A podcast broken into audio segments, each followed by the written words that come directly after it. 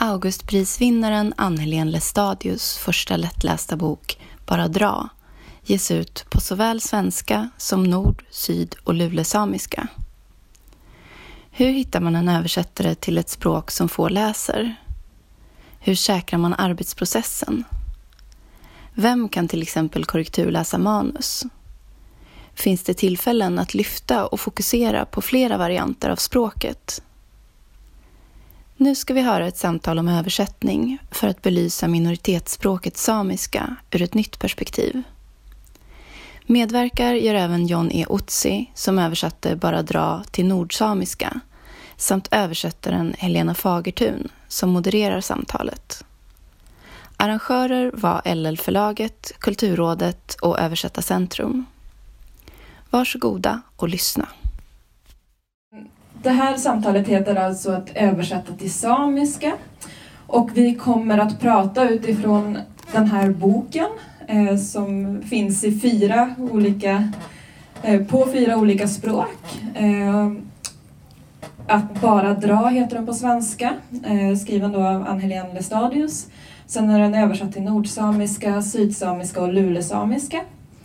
Ehm, jag som kommer att leda samtalet heter Helena Fagertun och jag är översättare främst från engelska.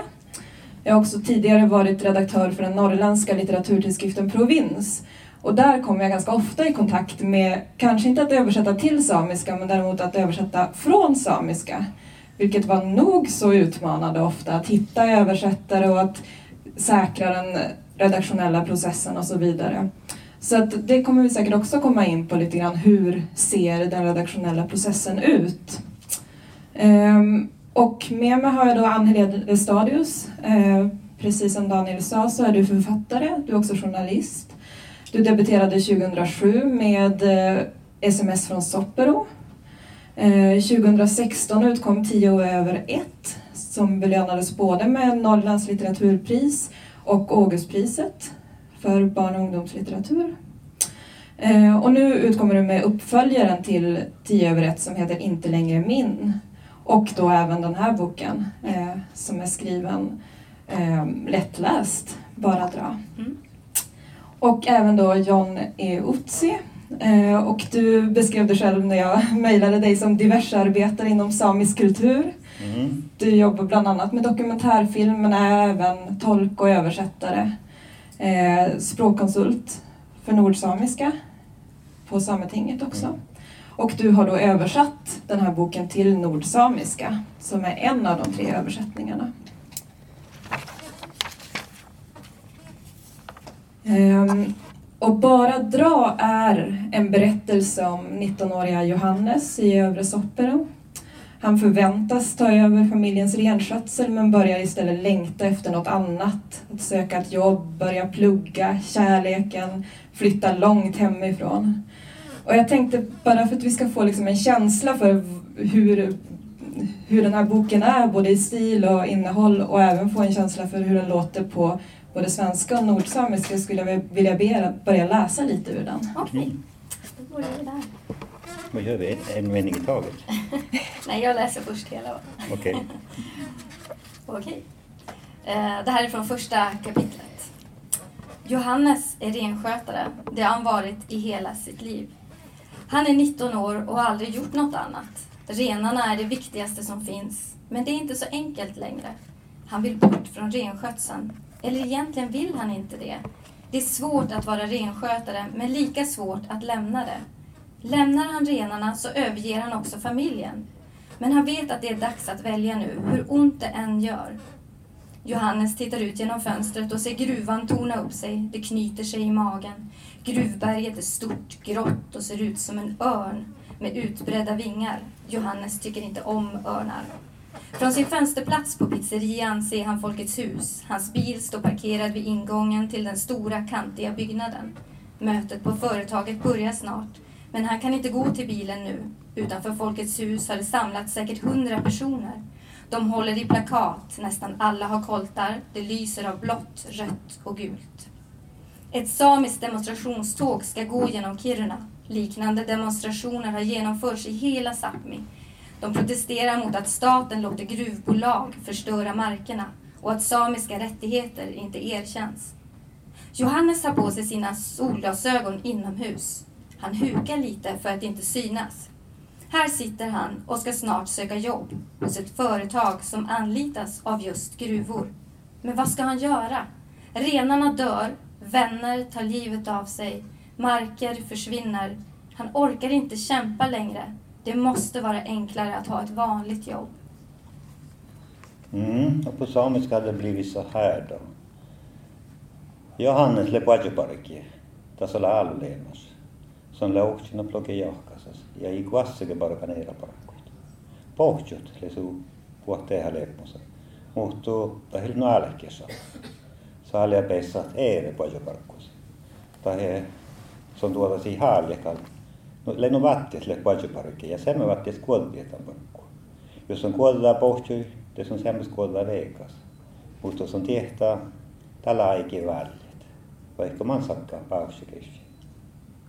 Johannes Koulla Lazarakkijaga ja vaina ruuhki allanoton.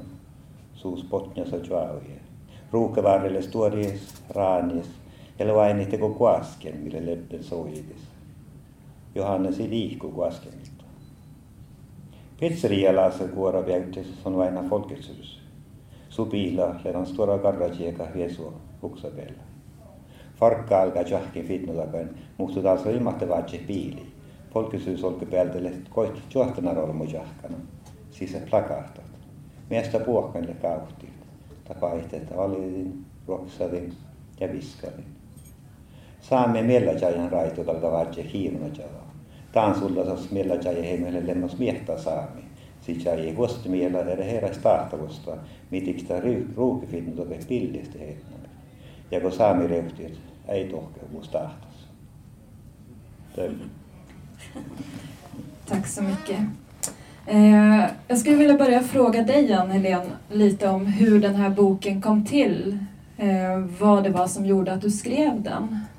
Jag hade ju e- aldrig egentligen haft några planer på att skriva eh, lättläst. Eh, men så hörde LL-förlaget av sig och frågade om jag skulle kunna tänka mig att skriva någonting. Och jag fick eh, rätt fria händer men så sa de de magiska orden, vi tänker översätta till samiska. Och då sa jag ja direkt. För jag kände att är det någonting det finns ett stort behov av så är det ju just eh, litteratur på samiska. Eh, och då tänkte jag att jag kanske skulle försöka göra en spin-off. Jag har ju skrivit om Agnes förut i SMS från Soppero. Eh, fyra böcker som jag har skrivit om den här sametjejen i övre Soppero. Eh, och hon är tillsammans med en kille som heter Henrik och Henrik har en storebror då som heter Johannes. Eh, och Johannes finns ju med lite grann i de böckerna men jag ville utveckla honom mer. Eh, så då bestämde jag mig för att göra en spin-off. Och eh, ja, alltså det är ju så att jag åker upp till Soppero och jag är där rätt ofta. Jag bor ju i Solna numera men jag åker hem och jag ser ju det här tuffa livet som många renskötare har. Alltså mycket som man kämpar med och har svårt med och jag, jag kände att jag vill verkligen berätta den här historien. Och Lättläsförlaget gav ju mig då helt enkelt mm. möjligheten att göra det. Och när du då började skriva så var du hela tiden medveten om att den skulle översättas till inte bara ett samiskt språk utan tre. Aha. Hur påverkade det texten under tiden du skrev, både vad gäller språk och innehåll? Alltså, det som är lite intressant är att när jag skrev den så hade jag eh, ett renskötarpar som eh, hjälpte mig att liksom, kontrollera fakta. Men det som var så fint det var att när de läste texten så sa de att det är, det är lite som en jojk, liksom, uppbyggnaden i, i det hela. Och det hade jag inte riktigt tänkt på själv, men sen så såg jag det faktiskt. Eh, och jag tänkte inte så mycket på att det här ska översättas, nu måste jag tänka på ett visst sätt när jag skriver, utan snarare så såg jag fram emot hur, hur eh, översättaren, eh, hur Jan Erling skulle göra till exempel, det finns ju uttryck på, på samiska som inte riktigt går att översätta till svenska och så. Hur skulle han förhålla sig till det? Jag tyckte det var rätt spännande. Sen så var ju det svåra att skriva eh, lättläst. Eh, att liksom skriva så korta meningar och ha en, inte så många karaktärer och sådär. Eh, ja, det, det var ju en liten utmaning. Men sen när jag väl hittade rytmen så var det ju jätteroligt. Mm. Och du, hade, du jobbade väldigt tätt vad jag förstår mot redaktörerna där? Ja, Alltså, jag är ganska formbar sådär. Så att jag skickade ju in jag hade faktiskt hjälp också av min eh, vän, författarkollega Kristina Valdén som sitter här som har skrivit mycket lättläst. Så jag skickade till henne min, faktiskt mitt första utkast. Eh, och hon var jättebra på liksom, så här, så här ska man tänka när det är lättläst. Och sen fortsatte det arbetet med redaktörerna. Eh, så att jag skickade in och då behöver de i princip bara säga så här det här och det här ska du tänka på, då vet jag hur jag ska skriva. Sen så är det kreativa en annan sak. Men just att få lära sig hantverket. Eh, så att ja, vi bollade en hel, en hel del. Och det som jag tyckte var svårast, det var ju det här att när jag skriver böcker, då vill jag ju liksom att historien ska växa fram. Nej, man skulle veta direkt Johannes eh, problem. Han var renskötare, han vill inte vara renskötare, han vill kanske vara renskötare. Ja, men det är ju hela plotten. men eh, ja, så det var lite, lite besvärligt. Ja, för det får man ju på de första sidorna här. Ja, verkligen. Ja. Mm. Mm. Och när kom du in i den här processen, John? Det vet jag inte. Det var någon sorts lottovinst som ramlade, ramlade in från förlaget. Så kom den från, eller från översättningsfirman kom det en förfrågan och jag kastade mig genast över. Så det, var, det, var, det är bland det roligaste jobb jag haft någonsin. Faktiskt. Och hur var det att översätta Ann-Helens bok? Ja, alltså Johannes har ju, jag har lite av Johannes i mig själv. Alltså. Min far, salig far, han fostrade och upplärde mina fyra äldre bröder vid renskötsel och så jag var för korkad för att vara i skogen så skickade han till skolan sa han. Så, så jag lä, lämnade renskötsel som tonåring kan man säga. Mm. Och, eh, så, så på, på, på, så sätt kunde jag identifiera mig mycket med hur Johannes kände och tänkte. Och sen, eh, miljön är ju bekant. Mm. Liksom, där har jag varit hur mycket som helst. Och, och allting var som bekant, men det svåra var ju det här lättlästa, ja. korta meningarna. Och då gjorde jag som jag brukar göra med sådana här jobb. Jag läste igenom boken och tänkte mig la ifrån mig den när jag var klar och så tänkte jag mig hur ser den ut, vilken form, som en skulptur ungefär, vilken färg, vilken form, vilken ton. Ja, men så satt jag någon vecka och funderade innan jag började jobba. Då. Sen, bara, sen flöt det bara på. Mm. Det flöt bara på. Fanns det några utmaningar någonstans? Du, du pratar om att det finns vissa uttryck som bara finns på samiska och inte på svenska. Finns det uttryck på svenska som du hade svårt att överföra till nordsamiska? Ja, en lite förvirrande grej, det var ju det med genus. Mitt folk har varit så smart, vi har dumpat det med genus för länge, länge sedan. Vi, vi har inte hon, vi har hen. så i vissa meningar kan det bli lite rörigt när jag säger hon och så kommer nästa mening säger han. Då måste man sätta ditt namn istället. Så. Mm. mm. Och sen kan vi kanske säga någonting också om, för din översättning är en översättning. Sen finns det också till sydsamiska och lulesamiska. Eh, hade du någon kontakt med de andra översättarna under tiden du jobbade? Nej, men Barbro som har översatt till lulesamiska, hon ville ha jag tror jag var, jag var innan dem. Så jag skickade hela tiden mitt, det jag hade liksom producerat till henne. Så jag vet inte om hon har haft någon nytta av det jag har gjort. Nej. Våra dialekter, eller språk, är ganska när, närbesläktade. Jag förstår lulesamiskan helt. Ja. ja, jag kan säga också att det är um, Barbro Lundholm som har översatt till lulesamiska och Ellen Bull Jonasen till sydsamiska. Mm. Visst, mm. det stämmer mm. um, Sen tänkte jag, jag vet inte hur mycket ni kan säga om det, men vad hände sen i processen? För sen skickade du in det då till den här översättningsfirman. Mm. Eh, gjorde de något redaktionellt arbete på den? Nej, utan jag fick en ny kollega här i fjol som visade sig vara en superfalköga på korrektur. Mm -hmm. En kvinna från Kautokeino och hon var ju rena lottovinsten igen. Mm. För att är det något jag är usel på så är det korrekturläsning. Så hon, hon räddade mig. Så jag fixade korrekturläsare till som förlaget fick. Då. Ja, du fixade korrekturläsare mm. till förlaget. Mm. Um, för jag tänker det är ju verkligen en utmaning för att eh, vad jag förstår så har LL-förlaget inte tidigare jobbat med översättning till samiska. Och kan du säga någonting om eh, i andra fall? Alltså, vad händer i de fall när man har en redaktör som kanske inte kan samiska och sen ska läsa en korrektur på samiska eller även om man pratar om översättning från samiska? Um, men det är det, det som är problemet med, med samiskan. Vi är så få översättare. och väldigt få korrekturläsare. Mm. Så att vi är inte många, jag tror vi kan räkna så här på svensk sida vi är nog inte mer än fem, sex stycken som jobbar med översättningar av skönlitteratur. Och det är ett problem och för förlaget blir det ju enorma problem. De måste hitta kodläsare om inte översättaren själv hittar. Mm. Att, jag vet inte hur de fixar det. Mm. Jo, men, eh, jag kommer från översättningsbyrån och vi, vi valde översättarna och sen hade förlaget själva hittat eh, granskarna. Yeah. Och vi var ju tvungna att dela alla namn med varandra också så att vi inte skulle ha samma person som översatte och, och granskade. Och två översättare hoppade ju av. Det var ju därför du kom in Jaha, okej. Okay. Jag var tredje valet. Lottovinsten. tredje valet. Ja, men jag kan i alla fall säga att jag hade önskat dig.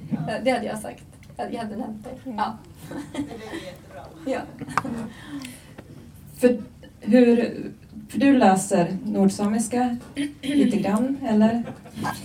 nu när jag har min bok och så kan jag ha din, då kan, det är jättebra för mig. Det är jättebra träning för då kan jag liksom läsa samtidigt. Så det här är en jättestor sak. Och jag tänker mycket på med min mamma, för mamma kan ju inte läsa och skriva på samiska och jag vågar inte riktigt prata på samiska. Så jag tror att det här kommer bli... Så jag brukar läsa och då översätter hon åt mig vad det är. För hon har ju förståelsen i tal men hon kan inte läsa. Mm. Eh, så ja, nej men ja, det här är ju helt fantastiskt. Jag är så glad för det. Det är en möjlighet för mig också att få träna. Och för min son tänker jag också. Han, han är 14 och han läser ju samiska i skolan och så. Så att eh, det blir jättebra. Mm. Har det varit någonting som var annorlunda med den här översättningen av din bok jämfört med, för jag vet att några av dina tidigare böcker har också översatts till samiska men också till finska bland annat. Ja, ja. Eh, och eh, det är sms från Soppero och den har ju också blivit översatt till de tre samiska språken. Eh, det gick ju inte lika smärtfritt, det kommer ju du ihåg. Mm. Mm, den nordsamiska översättningen blev inte bra. Det som hände var väl att den var översatt i svensk ordföljd? Var det så? Ja, det var inte bara det. Det var en, ja, en usel översättning. Ja. Och jag fick ju, var det din mor eller du som skickade mig ett ja. manus? Och jag, det var ju rödmarkerat alla, varenda sida, varenda rad hade så du, ja. du var inte så glad? Ändå. Nej, och det var ju tryckt och klart så man fick ju dra in hela upplagan och så fick man göra om det på nytt. Mm. Mm. Uh, så det, det var en liten tuff. Uh, mm. Och då inser man ju också hur svårt det är att hitta uh, översättare som är liksom kompetenta. och nu, nu har jag skrivit en bilderbok också, Pimpelfiske, och den kommer också översättas till nordsamiska, meänkieli och romani. Mm. Så det är ju jättekul. Mm. Mm. För, för vad är det, ni pratar om den här då, boken som, den översättningen som inte blir bra. Jag tänker att vi kan hålla oss kvar lite där. Vad är problemet förutom att det är så få som översätter? Finns det andra saker som... Ett av problemen är ju att samisk, samiskan som minoritetsspråk, både i Norge, Finland och Sverige, blir ju hela tiden påverkad av majoritetsspråken. Så man ser i sameradio, man ser det som skrivs i samisk media på samiska, exempelvis ordföljden blir fel och man, man tar in, alltså det, det, hela tiden är det en våg av påverkan från de skandinaviska språken till samiska som gör att de här unga som inte har så stabil mm. samiska, de gör som översättaren, den här första översättaren gjorde. Man, det blir, för en, för en samisktalande blir det helt bakvänt. Eh, normalt sett en mening på svenska, då kastar man om alla orden så här i samiska. Och så, mm. det samiska. så ett är det att, att det är de stora språken via alla medier är så mm. enormt stark och den påverkar speciellt de unga. Mm. De blir väldigt påverkade och vi försöker kämpa emot det men vi har inte så mycket resurser. Ja. Mm. Men utbildning då? Hur många är det som... Alltså utbildningen är ju har ju sen mina barn, 40 år sedan, började växa upp. Sameskolan har aldrig lärt samiska barn läsa och skriva. Nej. Och idag görs det inte heller. På norsk sida funkar det. Mm. Eh, glädjande nog har det börjat funka bättre på sydsamiska och i finska enare samiska som är mycket små, två väldigt små dialekter eller språk. Där har man språkbad och man tar seriöst på, på att ungarna får lära sig ordentligt, ja. alltså inte, inte något två timmar i veckan tjafs. Så. Mm. mm. Och är det också något, jag tänker, det finns ju en del facköversättning eh, till respektive från samiska. Är det en starkare Finns det fler som översätter facklitteratur än skönlitteratur? Jag tror det. Jag brukar översätta facklitteratur och tycker det är så jädra tråkigt. Det, är riktigt självstödande men det, det är liksom... Man måste ju tjäna pengar. Men det finns fler som, som, som ägnar sig åt, åt läromedel och facklitteratur. Mm. Jag tänkte om du Annelie också kan säga någonting om, för du har ju jobbat i regeringens läsdelegation. Kan du säga någonting mer om hur situationen för samisk litteratur och samisk översättning ser ut utifrån det perspektivet? Ja, alltså det finns ju otroligt lite eh, böcker på de nationella minoritetsspråken. Jag tror att procentsiffran var 1,17 procent. Eh, så att det är ju ett extremt stort behov eh, av att fler böcker översätts. Eh, men också att de skrivs direkt på de nationella minoritetsspråken såklart. Ehm, så det behövs. Och i ett av de förslagen som vi lämnade nu så lämnade vi ju förslag om till exempel läsfrämjande ambassadörer och så. Så att man måste ju börja jobba med språket och böcker och litteratur på flera olika fronter. Just, alltså det här handlar ju också om språkets överlevnad. Eh, så det är jätte, jätteviktigt. Nej, men så jag har jobbat jättehårt för de nationella minoriteterna i, i den rollen. Mm. Ja, för jag tänker också under eh, det, det, kom ju 2016 så gick Sveriges författarförbund och den samiska litteraturföreningen BAGO ihop och, och lanserade ett tiopunktsprogram för att stärka den samiska litteraturen i Sverige. För som du säger så ser situationen lite annorlunda ut, framförallt då i Norge där den är starkare. Um, men det jag tänkte på när jag inför det här samtalet tittade igenom de punkterna så är det ju väldigt mycket kring det nyskrivna och kring det, det som är liksom originaltext eller vad man ska säga. Jag hittade ingen punkt som direkt berör översättning. Mm. Jag undrar vad ni skulle säga, hur, hur mår översättningen till respektive från samiska idag? Finns det någon åtgärd som man skulle kunna göra för att förbättra den, förutom det ni redan har sagt?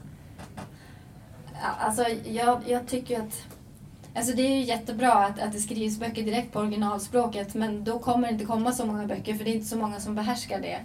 Eh, så därför så behövs ju vi som skriver på svenska eh, och sen får bra översättningar. Så att jag, jag ser jag har svårt att se, eller vad säger du? Det är inte så många i Sverige som kan skriva Nej, original. men det är ju ett ljus i mörkret det här Bago som du mm. nämnde. De försöker ju samla då Absolut. Mm. Wannabe-författare och författare ja. till, till, och uppmuntra dem och samla dem i seminarier. Och, mm. så, det, så det är ett riktigt ljus i mörkret. De har ju mm. fått pengar då, för några år i alla fall. Mm, vi har ju sedan ja, ett knappt år så finns det ju det här författarcentrum, mm. Sápmi till exempel i Jokkmokk. Mm. Eh, som ju, där de jobbar ifrån nu. Och vi har litteraturfestival och så vidare. Men det är ju fortfarande mycket jobb kvar, bland annat att återuppliva den här författarskolan. Eh, på Samelands folkhögskola. Det jag tror också skulle gynna de här översättningarna till samiska och från samiska också till det är ju att förlagen får bättre resurser och möjligheter att finansiera de här. För, att samiska som, som försäljarsuccé, det, det blir aldrig något 10 000 ex någonsin. Blir det tusen är det bra. Mm. Mm, man måste alltså hitta andra stödordningar så att, ja. så att det inte kan leva helt på försäljning helt ja, enkelt. Det, det ja, nej, det är omöjligt. Nej, mm. Absolut, det måste ju in någon, någon form mm. av, av stöd. Det är ju det är förlagen som, som behöver stödet i första hand. Mm. Jag tänkte på en annan sak. Ehm, jag tog med mig ett litet citat efter, det var en översättarworkshop som hölls på Bago in Books, eh, litteraturfestivalen som Bago anordnar i, Jokkmokk förra året i november. Och där skrev översättaren John Svedemark ner några av sina reflektioner. Eh, och han skrev, det jag framförallt har fått lära mig hela tiden under de här två dagarna är att kunskapen om samiskan är så utspridd. Den finns på flera händer, lagrad på flera sätt och det gör att samtal om språk och språkliga problem kan göra den här kollektiva problemlösningen till någonting så intressant. Och då tänkte jag, för jag pratade också med eh, Kristina Otsi som är förläggare på DAT förlag, ehm, som är ett förlag som ger ut samisk litteratur. Och hon pratade om, om det här med kollektiv översättning som en möjlig väg framåt, att man sitter flera personer och översätter framförallt dikter då. Eh, och att det är ett sätt att säkra processen om man inte har redaktörer eller korrekturläsare och så vidare. Vad tror ni om en sån väg framåt. Det, det där är en lysande idé. Så när man sä- översätter skönlitteratur och poesi då sitter man som en ens- ensam fjälluggla på fjället. Liksom. Man har ingen att prata med. Liksom. Det är liksom öde. Så att det Kristina är inne på, att man går ihop, speciellt när det gäller poesi och, och skönlitteratur också till viss del. Men att två, tre stycken går ihop och pratar, för det, det såg vi på, på de här träffarna de hade. De hade några små, små workshops och alla var jättelyckliga. Nu kan man prata och diskutera ordval, diskutera samiskspråket i alla dess former. Men hur funkade det? Var det någon som hade skrivit på svenska först och Ja. sen diskuterar man ihop översättningen? Så fick, jag tror de fick jobb att översätta kanske en A4. Ja.